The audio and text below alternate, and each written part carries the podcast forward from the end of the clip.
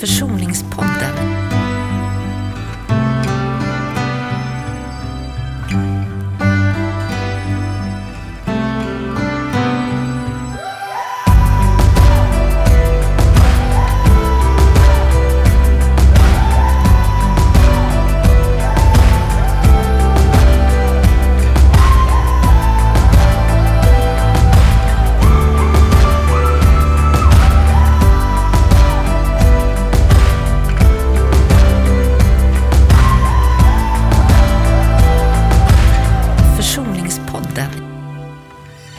Välkomna till Försoningspodden.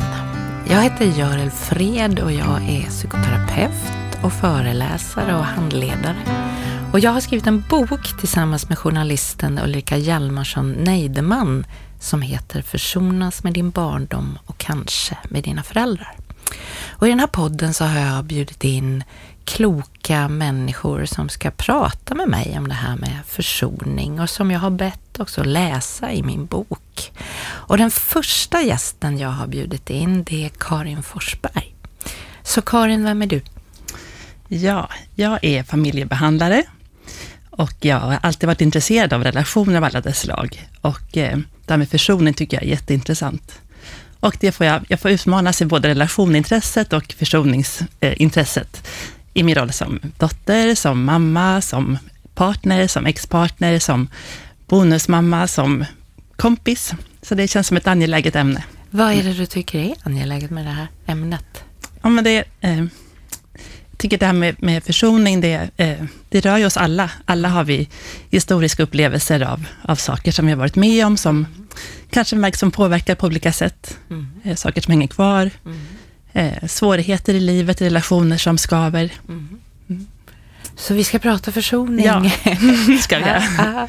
Vad vill du börja? Men jag, jag tänker så här, den här boken, eh, vad, vad är det som du, varför ska man försonas för? Vad är det som är viktigt med att försonas med sin barndom? Jag tänker för det första att det måste man inte. Det finns liksom inget sånt där egenvärde i att gräva i saker. Så att det, jag, jag tänker liksom inte det här måste alla göra. Men när jag ändå, eh, om jag ändå ska komma på några saker som jag tänker är skälet till varför jag ändå tror att det kan vara bra för många människor, det är för att dels så tänker jag så här att man, det är ett sätt att förstå sig själv bättre. Alltså, vad är det man har varit med om och hur påverkar det en? Därför att jag, jag kan tänka så här att det finns, det finns, jag brukar säga att det finns två typer av bekymmer i livet. Det finns de bekymren man kan hantera, som man inte kan göra så mycket åt, som man behöver hitta ett sätt att försonas med då, eller så. Och så finns det saker som man kan förändra. Och jag tror att det är viktigt att göra den där sorteringen så att man inte försöker förändra det som man borde lägga till ro eller försonas med. Och jag tror också det är viktigt att man inte försöker lägga till ro det man skulle kunna förändra, så att säga. Så att dels så tycker jag att man ska, en, ett av skälen till varför man ska försonas, det är att kunna göra den här sorteringen för att förstå sig själv bättre. Men hur vet man, hur vet man att, det är ett, att det är någonting som man kan försonas med? Eller om det är någonting som man kan förändra? Hur, hur ska man förstå det? Vad, hur märker man skillnaden på dem? Nej men alltså, en sån sak som jag tänker, det är ju det här på, på vilket sätt som de här tankarna om vad man har varit med om, på vilket sätt man grubblar över det. Jag, jag kan tänka sig att det finns två typer av grubblande, så att säga. Det finns det, finns det goda grubblandet och så finns det det destruktiva grubblandet. Och det destruktiva grubblandet, det tror jag eh, handlar väldigt mycket om att man, liksom, man kommer ingenstans. Mm. Man bara går om och om, om, om igen. Det är, det är typ samma frågor och svar som för ett år sedan. Och det här destruktiva grubblandet brukar också väldigt ofta ha som svar att det var fel på mig. Mm. Och det ska vi prata mycket om i den här podden, om andra sätt att se det. Men man kommer liksom till vanmäktiga svar och så börjar man om och så börjar man om och så börjar man om. För att det här med det destruktiva grubblandet, det kan ju få en att fastna i dåtid. Mm. Alltså att man inte kommer vidare så att säga, utan det är som om man, man sitter fast i en dåtid mm.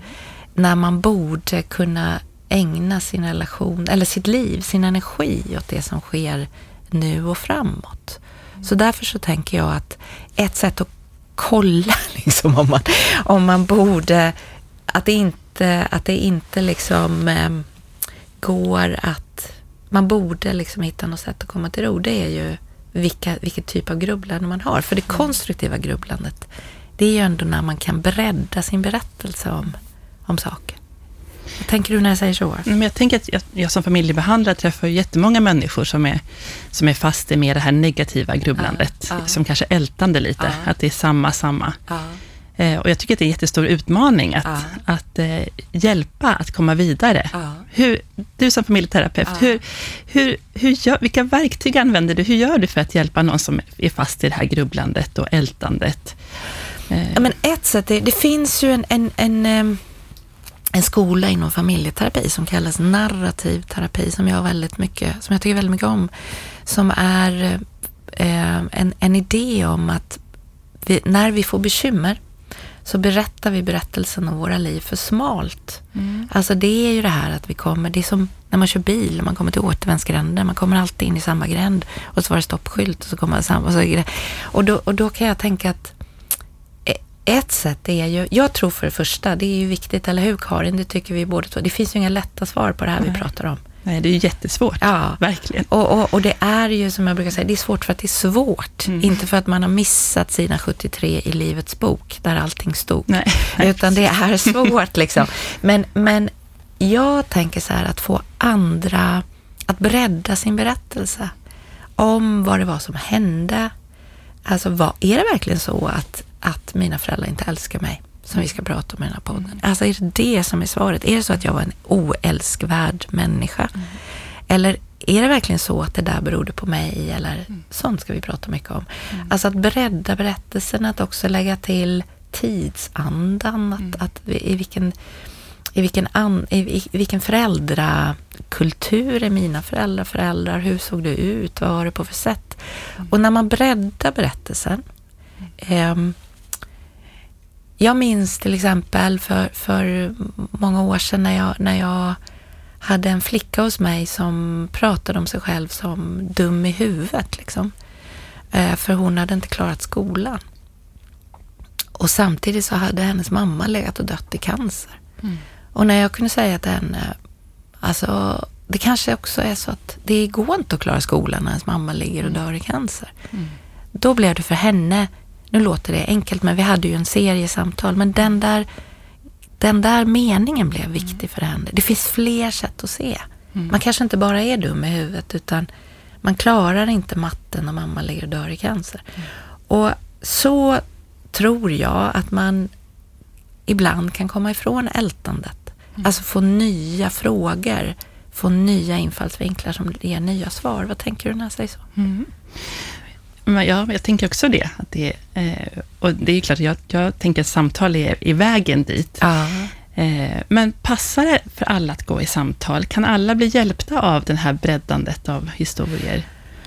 Det här är ju en jättebra fråga. Nej, nej, jag tror alla människor behöver inte gå i terapi, absolut inte.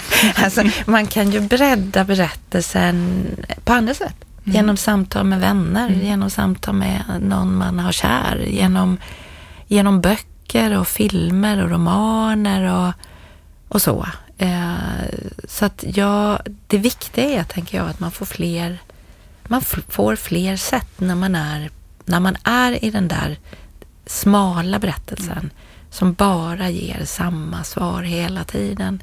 Du var så dum i huvudet, det var ditt fel. Det är inte konstigt att dina föräldrar inte kan älska dig. En av dem vi, i den här boken vi har skrivit så har vi många berättelser från människor och en, en sån som berörde mig var den här, hur kan någon älska mig när min pappa inte gjorde det? Och så breddade den berättelsen, det kanske inte var det det handlade om, att din pappa inte älskar dig, det handlar om andra saker. Mm. Men, men så kan jag också tänka att det finns fler skäl till varför man, man ska försonas. Eh, och förutom det här att man måste, tror jag, att det är bra, det är bra om vi inte stannar i dåtid för mycket. Mm. Därför livet pågår. Mm. Eh, så. då lever man bakåt, ja. man lever med sina upplevelser mer än, än att vara här och nu i sitt, i sitt eget liv. Eller hur? Ja. Och sen är det ju också så att det som var bakåt kan vi ju inte gå in och förändra. Nej. Men vi kan ju förändra det som är nu mm. till de människor som vi har relationer till nu. Mm. Så att det blir ju så sorgligt också, för det har ju både du och jag träffat, eller hur? Människor som kan inte leva i de relationer de har nu. Mm.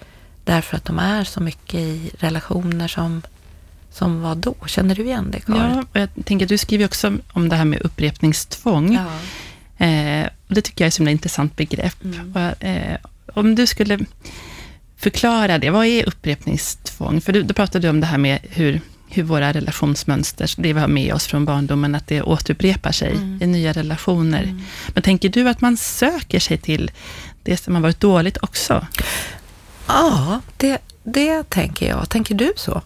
Ja, men för jag tycker det där är så, det är ju en, det är så, det är så svår fråga på ett sätt. Ja. För man tänk, man, på ett sätt tänker man ju att människor vill ha det bra i Aha. livet och Aha. vill leva gott. Aha. Att det är alla människors dröm på något sätt. Men jag har också sett eh, under mina 20 år som familjebehandlare att, att vissa människor har en tendens att hamna i samma, samma relationer, fast med olika personer, gång på gång. Ja.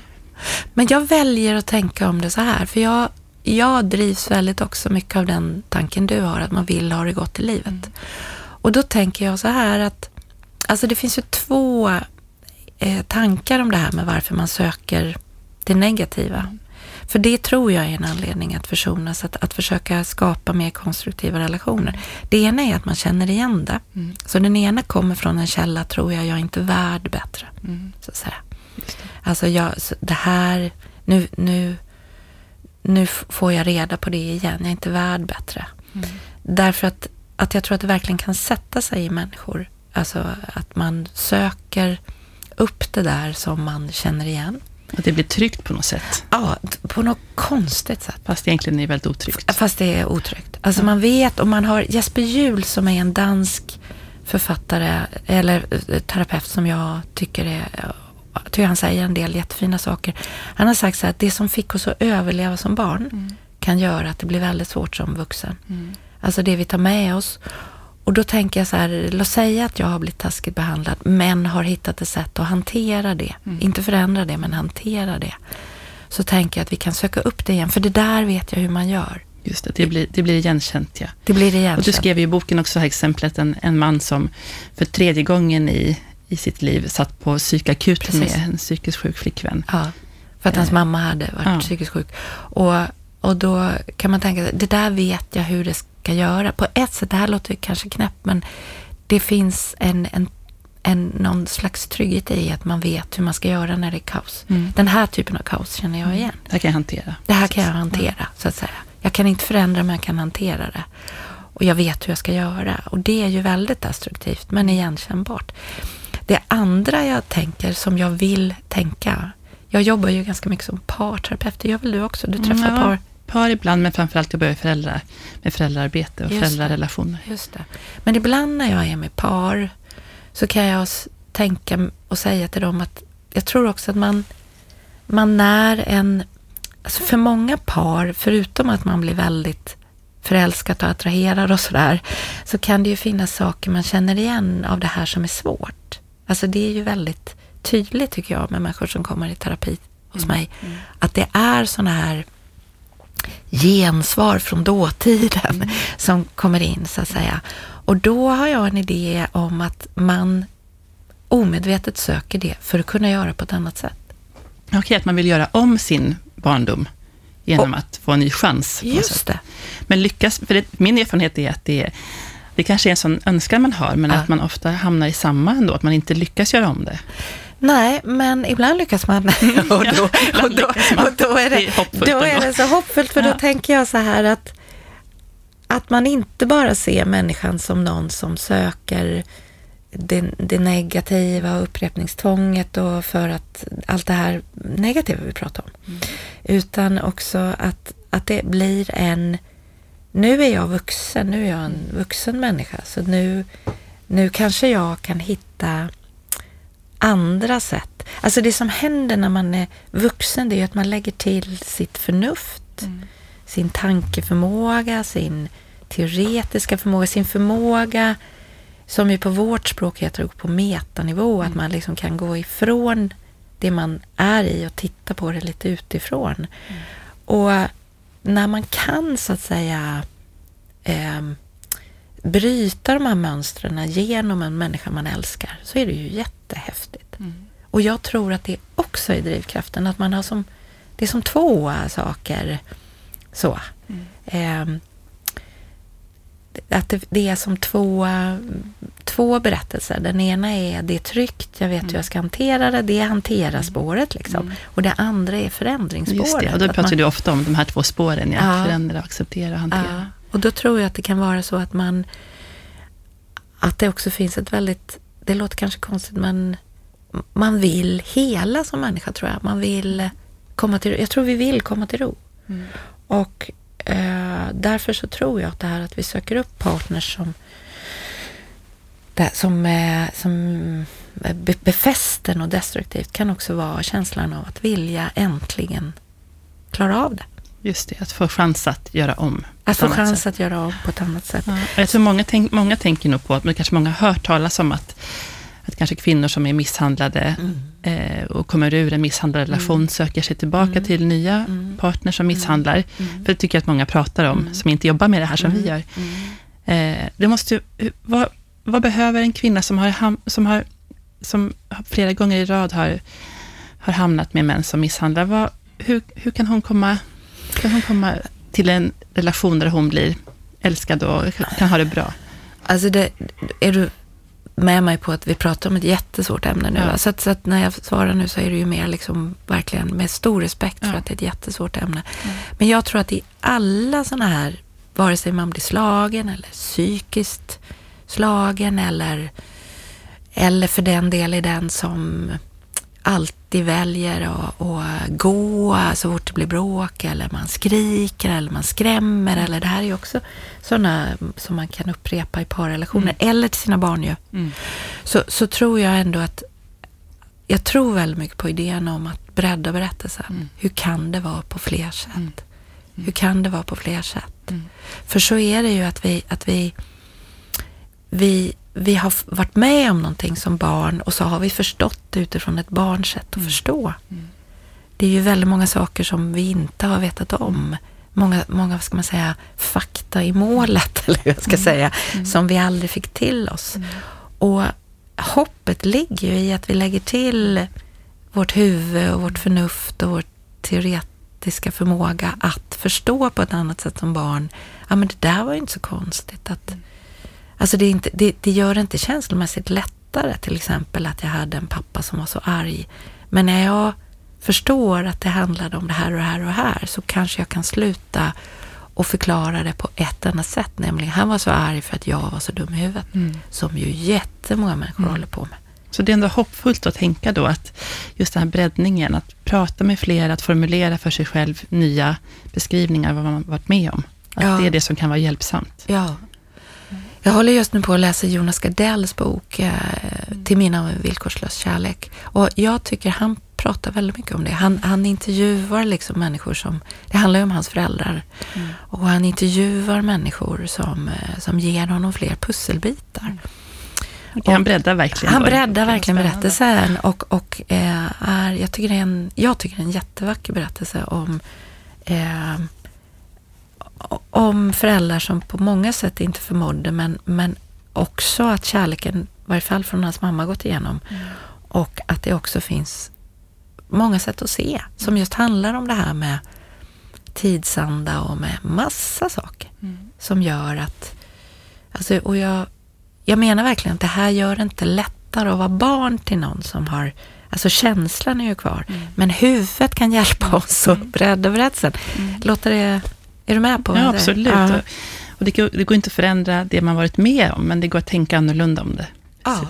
ja. Och kanske också få ner den känslomässiga laddningen i det man upplevt. Ja, som man ju får, tänker jag, om man kan se det på fler mm. sätt. För det finns ju en Det finns ju en eh, terapeut från Finland som heter Ben Fumar som brukar säga att det är aldrig för sent att få en lycklig barndom. Men det är det, tänker jag. Men det är aldrig för sent att få ett lyckligt liv. liksom, eller precis, eller det. liksom, ett, liksom, det är aldrig för sent att, att, att hitta sätt att inte upprepa. Liksom, att hitta sätt att... Vi är ju inte förutbestämda, fast det kan kännas så. Men det det som jag tänker på när jag jobbar ofta, det är att det är ju för väldigt många människor, och för mig själv också, det är ju svårt att göra någonting som är lite ovant för en själv. Ja, Att bryta mönster. ja, Det, och det är väldigt modigt att testa. ja. Det kan ju skapa väldigt mycket rädslor. Absolut. Och mycket tankar om, om vad som kan hända om man gör det. Absolut. Så det är ju verkligen att ta på allvar också, att det är inte ett lätt jobb. Nej, för då skulle det inte vara svårt. Nej. Det, är det, det är det jag menar. Alltså det är därför jag inte tror på de här eh, slå upp tio råd hur du ska göra. Därför att det är ju att förminska oss som människor något otroligt. Om det fanns tio enkla råd, då är vi ju bara dumma i huvudet som lider. Liksom. Och det är ju inte så. Det är, jag tycker så mycket om ett Tove Janssons citat som är så här, det är lätt att vara modig för den som inte är rädd. Ja. Alltså, vi är, vi är ju liksom, vad ska hända? Och, alltså, det, det, man, man kan ju riskera, man kan, man kan ju känna att man, det vi är räddast för som människor, det är ju att åka ut. Mm. Att åka ur gemenskapen, så att säga. Hur vi nu, hur vi nu, nu tycker, vi, hur nu vi definierar gemenskapen. Det är ju det vi är rädda för att åka ut från. Att bli övergivna. Att bli ensamma. övergivna, precis. Mm. Och då tänker jag så här att vi vet ju inte, alltså en modig handling, det är ju bara modigt om man inte vet hur det ska gå. Mm. Annars är det inte modigt. Nej. När man har svaret, då När man har svaret är det ju inte Nej. modigt. Om jag vet till exempel att jag kommer inte dö om jag hoppar från tian eh, i simbassängen, då är det ju inte modigt. Jag som däremot är väldigt höjdrädd, jag tror ju att jag ska dö. Och om jag då skulle hoppa så är det ju modigt. Så att det är ju det här med kosta smaka. Mm. Alltså vad får det kosta? Vad, får, vad, vad, vad smakar det? Det konstigt, precis. vad är, vad... Men, men en annan sak jag tänker eh, varför man ska försonas tror jag eh, är ju att man ska bli en bättre förälder själv. Mm. Vad, vad tänker du om det? Det är ju jättemycket av, av mitt jobb handlar ju om att träffa föräldrar som, som är besvikna på sig själva, Ja. i sitt föräldraskap. Ja, Eh, och ibland så är de besvikna på sig själva och ibland lägger de besvikelsen på sina barn. just det. Som lite grann beskrivs som de som har ansvar för att det är jobbigt, det. bekymmersamt. Just Och jag tänker där att det är ju, ofta så är det ju historiska vingslag som gör att människor eh, beter sig på sätt som de själva inte är nöjda med i sin föräldraroll. Precis.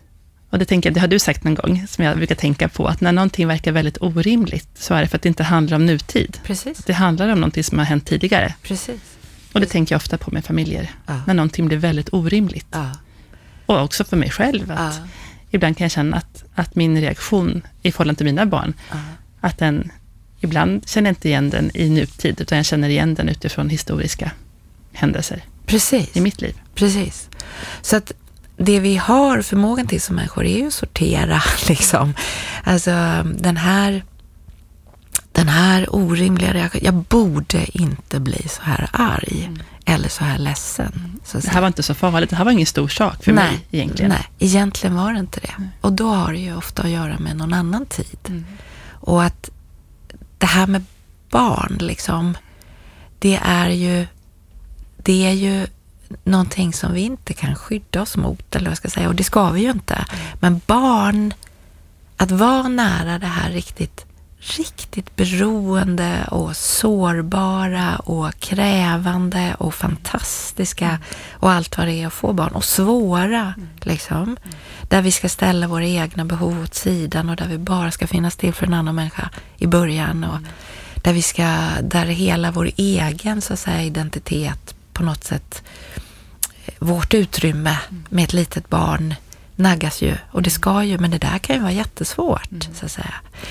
Jag vet en gång med, min, med en av mina söner eh, när han var liten och gjorde illa sig och jag sa Åh, vad ont liksom. Och då bara slutade han att gråta så sa han Mamma, det är jag som har gjort illa mig, inte du. och, och, då, och då tänker jag det, det där liksom hur man kan vara som förälder, liksom att man, man, man blir så här helt inne i sina barns känslor. Och det, då är det ju inte så konstigt att det väcker liksom barnet i en själv mm. sådär riktigt mycket. Alltså sin egen. Och har man då haft mycket känslor av egen övergivenhet eller ledsenhet eller sorg eller rädsla så är det ju inte så konstigt att man inte kan sortera det där så där lätt. Mm. Jag och du och mm. eh, hur ska jag vara och alltså, det här med behov och så, mm. mina eller dina. Och det är ju det som är så fantastiskt. Det, det har också Jesper Juhl sagt, mitt andra Jesper Juhl-citat mm. idag, som jag tycker är så fint. Vi ger våra barn sitt liv och de ger oss chansen att ta våra liv tillbaka. Och jag tycker det är så vackert. Mm. För det handlar ju om att genom våra barn så kommer vi åt eller blir exponerade för vår egen sårbarhet på ett sätt som jag skulle vilja påstå att ingen annan människa kan göra med oss. Jag håller helt med, som, i roll som förälder, ja. så håller jag helt med den, ja. den beskrivningen. Det, och det är ju väldigt omtumlande och härligt, också jättesvårt. Ja. Att man ser sig själv, man blir speglad hela tiden.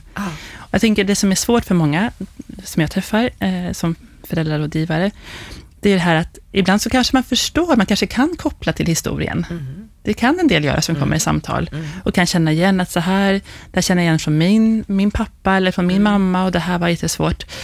Men väldigt ofta så hjälper inte det att göra annorlunda. Nej. Så där tänker jag, det är också, det är någonting som, som, är, som är en stor utmaning. Ja. För om man vet att det här är någonting som jag får illa av, mm. och så gör man det ändå fast man vet om det. Mm. Det, vad tänker du om det? Ja, men det här är ju jättesvårt och jätteviktigt det tar upp. Alltså det finns, det finns eh, någonting som eh, kallas för transaktionsanalys som jag ju använder jättemycket. Och eh, jag ska inte gå in på hela historien med det, men det handlar om att man tänker att inom oss så har vi som tre aktiva jag och de där finns hela tiden.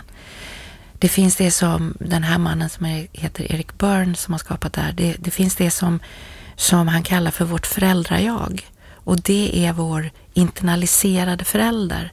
Det, det är det vi har härmat, så att säga. Det är som våra föräldrar var mot oss, men också andra auktoriteter som har tagit sin boning av oss, som har en röst i oss. Så uppfostran, moral, värderingar. Eller hur? Ja. Precis allt det där mm. också. Hur vi har sett andra vuxna lösa dilemmor åt oss som barn. Mm. Det tar vi ju in där, mm. så att säga. Och så finns det det som kallas barnjaget. Alltså, som är, och det är där, det är våra upplevelser som barn. Mm. Alltså vår sårbarhet och vår osäkerhet och vår, allt det där. Men också vårt, du vet det där skrattet när man skrattar som man nästan kissar på sig. Mm. Alltså allt det där mm.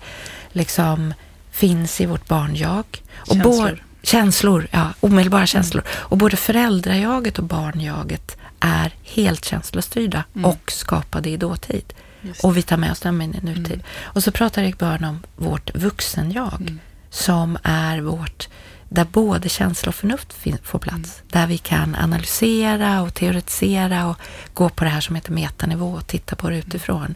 Och det är egentligen bara där som förändringsmöjligheten finns. Mm. Det är väldigt svårt att förändra om vi inte lägger till tanken eller förnuftet. Alltså, mm. Tanken står inte över förnuftet. Känsla och förnuft, mm. tänker jag, är eh, två enheter som behöver jobba ihop. Mm. Men vi behöver lägga till denna tanken. Och när, när du pratar om det där med att man gör fast man inte vill, så kommer vi in på att det kan vara så att man det är så obehagligt att vara i känslor av osäkerhet och rädsla. Det här som våra barn mm. väcker. Mm. De väcker ju massa andra saker, men osäkerhet och sårbarhet och så. Så då kan vårt stränga föräldrajag komma in. Är du med på hur jag mm. tänker? Och kan komma in liksom och så här Sluta shoppa dig, sluta gnälla, sluta håll på. Och sen är det egentligen oss själva vi pratar med. För att det är liksom vårt eget sårbara som har väckts av vårt barns sårbara. Mm.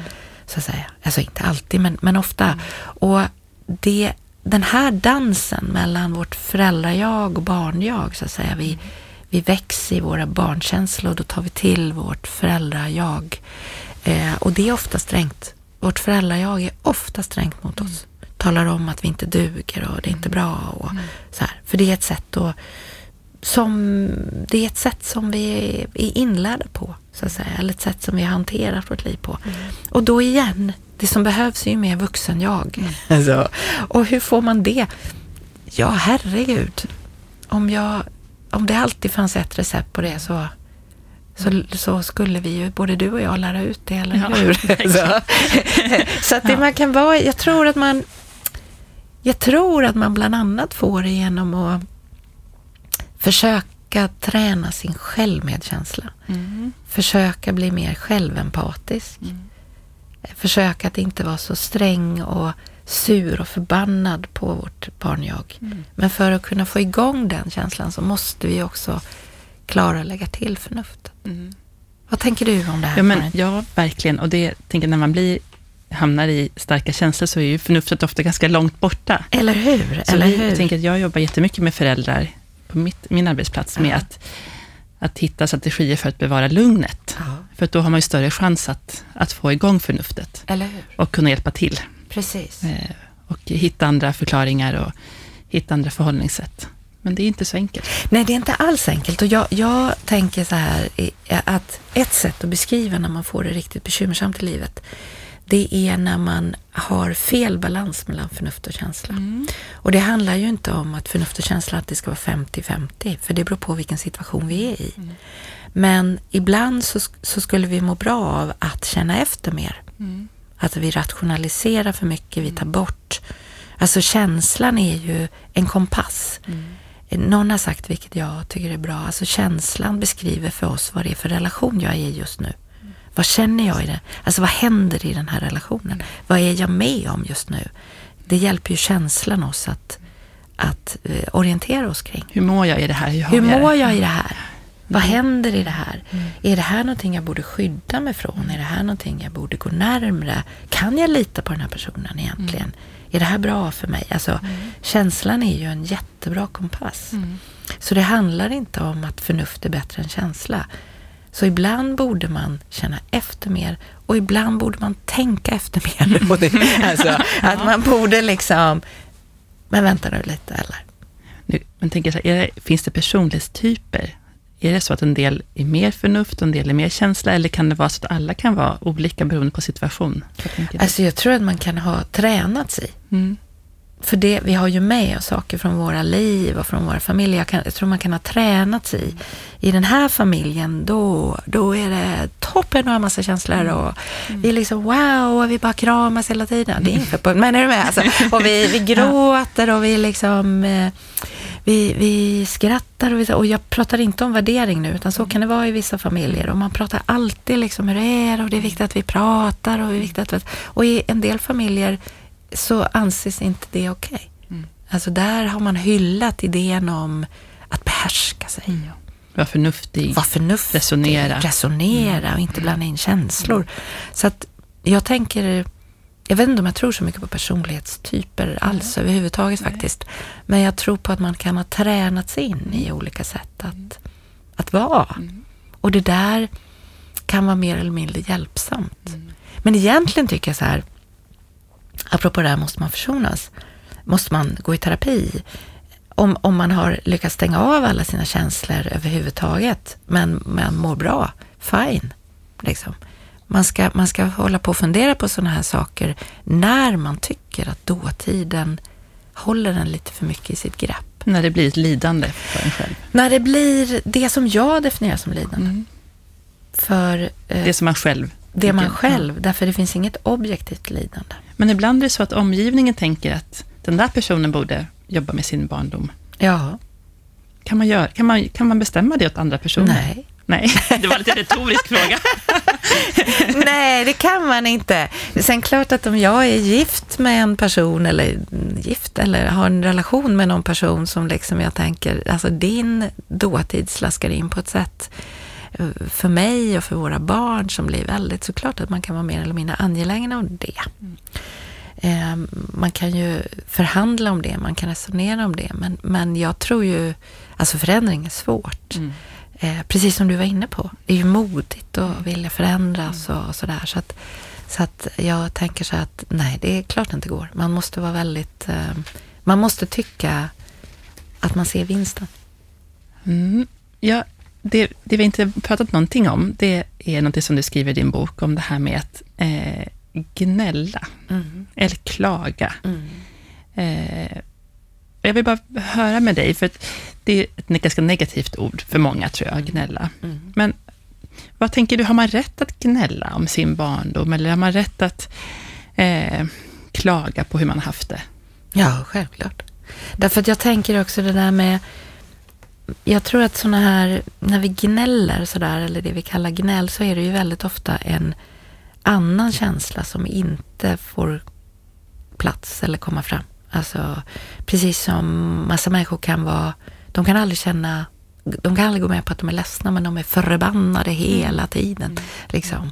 De blir så förbannade mm. och, och, så. Och egentligen så, egentligen, men den, den, den större känslan kanske är sorg eller ledsna. Men ledsna, det man tränar, det är att man inte får känna. Mm. Och ibland kan jag tänka om gnäll, att eh, det är något annat man skulle behöva säga. Du gnäller, men vad är det för känsla bakom? Mm. Och ibland kan jag tänka att det är eh, viktigt viktigt att fundera över det. Mm. Om, vi, om, jag, om jag tog bort gnället, så att säga, vad är det för känsla som ligger bakom? Mm. Är jag egentligen för ledsen eller, mm. eller för trött eller mm. för ensam? Eller vad, vad tusan är det som jag, som jag känner? Så att mm. säga. Vad är det jag känner?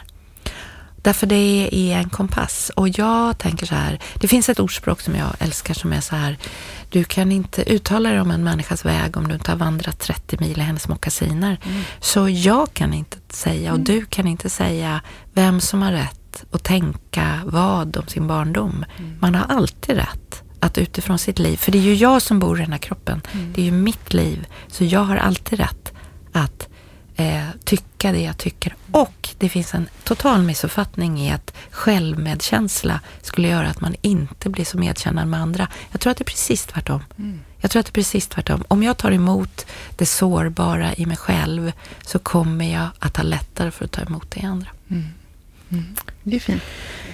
Men, eh, men det, jag är kvar med det här med gnäll mm. ändå lite. För mm. att eh, det är ju som att många tycker att det är väldigt dåligt att gnälla. Man viftar mm. bort det. Mm. Och du pratar om att det finns eh, känslor bakom och så. Mm. Men du pratar också om det här eh, hur, hur svåra eh, upplevelser kan lagra sig i kroppen. Mm. Det tänker jag är intressant att mm. höra lite mer om. Mm. Jo, men eh, nu är ju inte jag expert på biologi, men det vet jag. Det har människor sagt till mig, så att det, att det, att det till och med finns så att det är att svåra känslor gör avtryck i vår kropp, alltså rent biologiskt. Och därför kan det vara väldigt alltså det som man, som sagt, det finns många som kan det här bättre än mig, men att, att det triggas igång också. Vårt neurobiologiska program triggas igång. Alltså, alltså vi blir panikslagna eller vi får det här därför att vi har varit med om saker och då är det också så att det finns spår i vår kropp. Mm. Alltså, det, det, finns biologiska spår i vår kropp mm. där vi blir livrädda för saker. Mm som det idag inte finns någon anledning att vara livrädd för. Men vår kropp säger att vi ska bli livrädda, så att säga. Alltså, det, det, är det här som också finns i posttraumatisk stress och så. Man går igång, alltså, fast det inte är så farligt just nu, så drar man igång. Och man är, man är traumatiserad därför att, därför att det, har, det, det finns kvar i kroppen. Så, så så kan det vara för en som barn. Så att, att alltså jag träffade någon person nu i, i 60-årsåldern som sa sådär, men det känns som jag, jag kommer aldrig komma till ro. Alltså, jag, det, är, det blir alltid den här känslan av svek och jag kommer inte vidare, jag har gått så himla mycket i terapi. Och då kanske man får ha lite självmedkänsla och säga att vissa människor, alltså livet är ju så extremt inte rättvist. Mm. Och vissa människor har ett liv som börjar på minus 750 liksom och andra har ett liv som börjar på noll. Mm. Och då kanske man aldrig kan komma, komma till den där punkten där det aldrig lämnar en. Men det kanske kan lämna en fler gånger mm. och man kanske kan få ro fler gånger. Mm. Alltså vi är ju inte ett himla renoveringsprojekt liksom som är duktiga när vi är klara. Vi blir ju inte klara. Men att man kan ha som målsättning i livet kanske att Vissa dagar ska jag inte ha ångest eller vissa dagar ska jag kunna leva i nutid eller med vissa människor ska jag kunna ha det bra. Mm. Därför att det är en, ett otroligt jobb att kunna ta sig dit. Mm. Så att säga. Så igen det här självempatin. Självempatin och självmedkänslan. Mm. Eh, Vad tänka snälla tankar om sig själv och vara försonande med sig själv. Ja, att tänka, det var så otroligt fint. Jag fick det en gång i en terapi från en person som hade varit med om eh, väldigt, en väldigt, väldigt svår barndom. Och så sa den här personen, nu har jag inrett en trerummare i mig. Och i barnkammaren ligger mitt barn och jag har öppnat dörren. Mm. Och jag sitter själv i vardagsrummet och läser. Och så kan jag höra om barnet ropar. Mm. Och då kan jag gå dit och säga, men jag är här, mm. det är ingen fara. Och jag blev otroligt berörd av den bilden. Och det var ju efter mycket, mycket slit och jobb som den här personen hade kunnat komma dit. Det berörde mig så otroligt djupt, den bilden. Vi kan ta vårt omhändertagande föräldrar-jag och vårt vuxen-jag och vagga vårt eget barn-jag. Mm. Men då måste jag ta emot barnet. Jag måste ta emot barnet i mig själv för att det ska kunna ske. Det var fina ord. Slut i rutan. Slut i rutan. du har lyssnat på Försoningspodden. Minns att ordet försoning betyder att lägga ner en strid. Inte för att det man stred för var det något fel på, men för att man inte kommer vinna. Producent för den här podden är Erik Zettervall och om du har några frågor eller funderingar så välkommen att mejla dem till försoningspodden gmail.com.